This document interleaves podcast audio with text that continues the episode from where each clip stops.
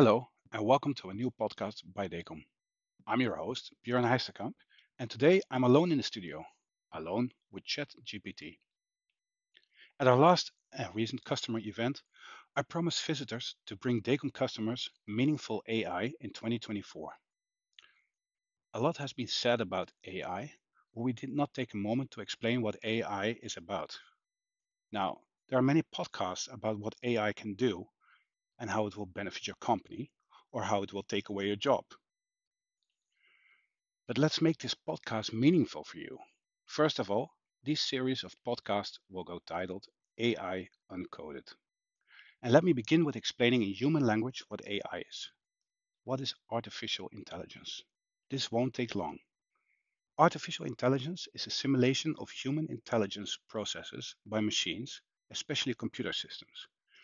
Specific applications of AI include expert systems, natural language processing, speech recognition, and machine vision. As the hype around AI has accelerated, vendors have been scrambling to promote how their products and services use it. Often, what they refer to as AI is simply a component of the technology, such as machine learning. AI requires a foundation of specialized hardware and software for writing and training machine learning algorithms. No single programming language is synonymous with AI, but Python, Java, and C++ have features popular with AI developers.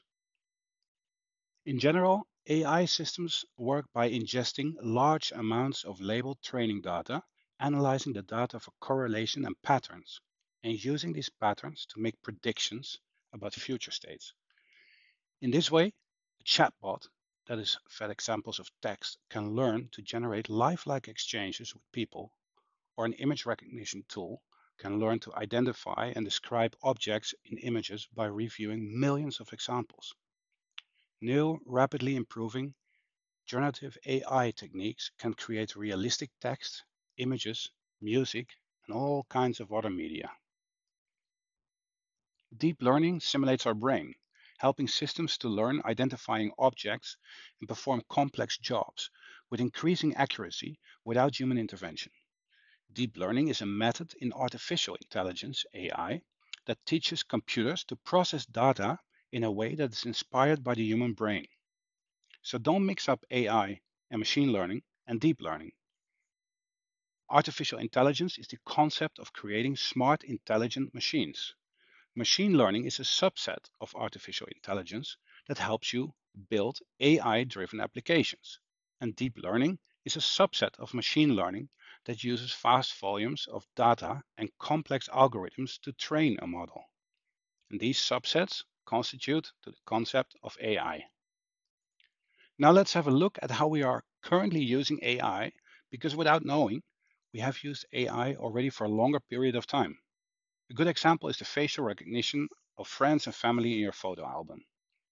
Once you have assigned names to a person in your photo album, your computer will recognize more faces belonging to the same person, many times with remarkable accuracy and grabbing years of aging. Another example is the autocorrect in Word or Pages. While typing, your digital assistant has suggestions to correct or improve spelling or even grammar. Newer software and more powerful chips have changed this from command-based to real-time processing, requiring a lot of computer power from your system. And let's not forget navigation. The concept of navigation is not AI by itself. It is satellite versus location-based communication. But if you have numerous travelers on the same road traveling at slow speed in their car, your navigation system will translate this as traffic jam based on a large number of phone users transmitting their location and relative speed. And when an alternative route is offered, this is when we call it AI. And let's not forget how computer models calculate and forecast weather. We have been listening to weather forecasts for ages, and this is pure AI. So, in fact, we can conclude that AI is already among us for quite some time. Let me now answer a question that is so relevant these days. And this question is, will AI replace my job? And the answer is no. First of all, I just explained to you that AI is already among us for quite some time, and I gave examples. You apparently have a job and you did not lose it. And again, back to what I explained to before, Apple can recognize family members in your photo album, and this did not cost you your job. But things will definitely change, but no more than automation or any changing process in work has always changed the job market. Fortunately, there will be jobs on the line, but these are stupid jobs. You no longer need someone for database entries if you automate well. You no longer need a data analyst if you have the right tools. If AI is well deployed, the most stupid and simple works can be delegated to computers. But this is something we have been doing for ages. AI is now merely a term used to describe the accelerated speed by which we automate tasks in a more efficient way. In fact, AI sums a number of jobs that computers can do a lot faster than we can do it, humans, and probably more accurate without typing mistakes. AI combined with learning models can speed up calculations through human intelligence processes. It can process our language and using a lot of computer power, it can enhance graphs or drawings or make realistic photos or even art. Just because automation is accelerating, we're not losing jobs. To assure this, we must go back in time, let's say three decades ago. Windows came on the market, word processing included graphical user interfaces, and laser printers made stunning photographical representations of our work. Back then, we also had a discussion that computers will take over the job market, but we have only learned that the number of vacancies has skyrocketed since then and will again. So AI is not taking your job. But what is meaningful AI? To answer that, I can best give an explanation of what is not meaningful AI. We all know websites with chatbots, um, take, for example, your average airline. You have a complaint about your cancelled flight, and the only way to interact with the airline is either through lawyer or through chatbot. The chatbot will happily say his name is Wing, and he's happy to help you. Before you type C A N C, the chatbot assumes you want to talk about flight booking. You try again. You type C A N C E L and the chatbot will ask, I understand your flight is cancelled and you want to book another flight with us. Now, this is the moment you get angry. You aggressively type, My flight is cancelled and you want to speak to an operator. And the chatbot suggests that you can best visit the website and find something about their no money return policies for cancelled flights, and it will suggest you find something there. Now, obviously, you are already on the website, otherwise, you could not chat. And obviously, this is not meaningful AI but somehow this serves as a purpose. Airlines are by no means interested in providing service if they think that AI can replace a service agent. But this simple fact is helping the public in general getting acquainted by the process of AI. In a couple of years' time, these systems will improve because smaller companies will take this by storm and will force larger companies to reconsider their AI chat policies. Meaningful AI is found in different systems. Let me address my own industry to give good examples. Microsoft will enable Copilot. Microsoft's Copilot is yet in its early phase, but very interesting to have a look at.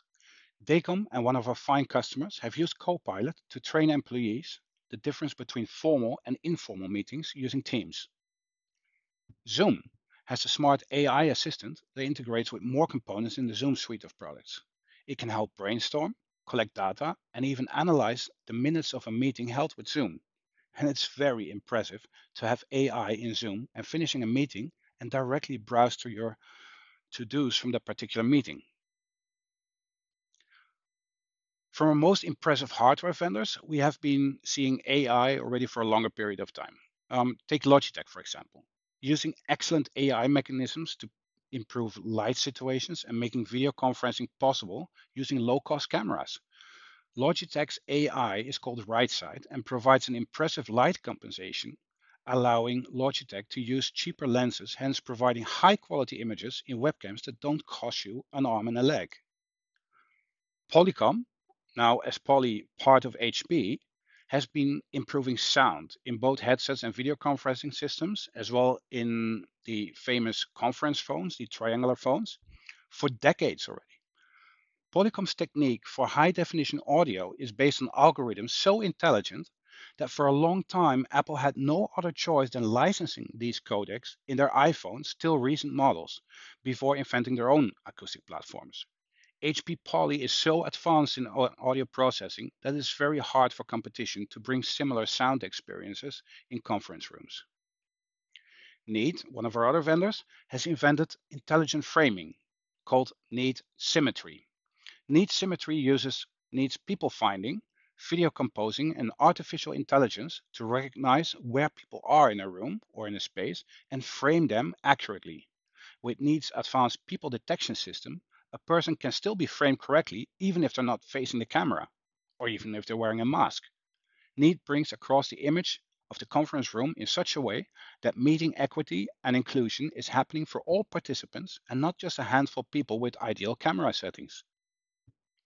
Cisco WebEx aims to leverage real-time audio and video communication to address everyday challenges, including ensuring perfect audio and video calls, even with low bandwidth. Cisco also announced the launch of its new WebEx AI assistant with new features to improve customer productivity and accuracy. Real-time media models in WebEx will improve audio and video quality by parsing visual and audible cues, such as gestures and walking out of the room during a meeting. The models can take multiple media streams and develop multiple outputs, including people and object recognition and action analytics, such as movements and gestures. Real-time media models in WebEx will allow audio and video channels to be utilized as context signals in conventional text-based capabilities like meeting summaries and highlights. And last but not least, probably the easiest to understand is Huddly. Huddly is a camera manufacturer. They have very nice little cameras. And Huddly has a sub 1000 euro camera that can be deployed with Teams or Zoom and features an AI director.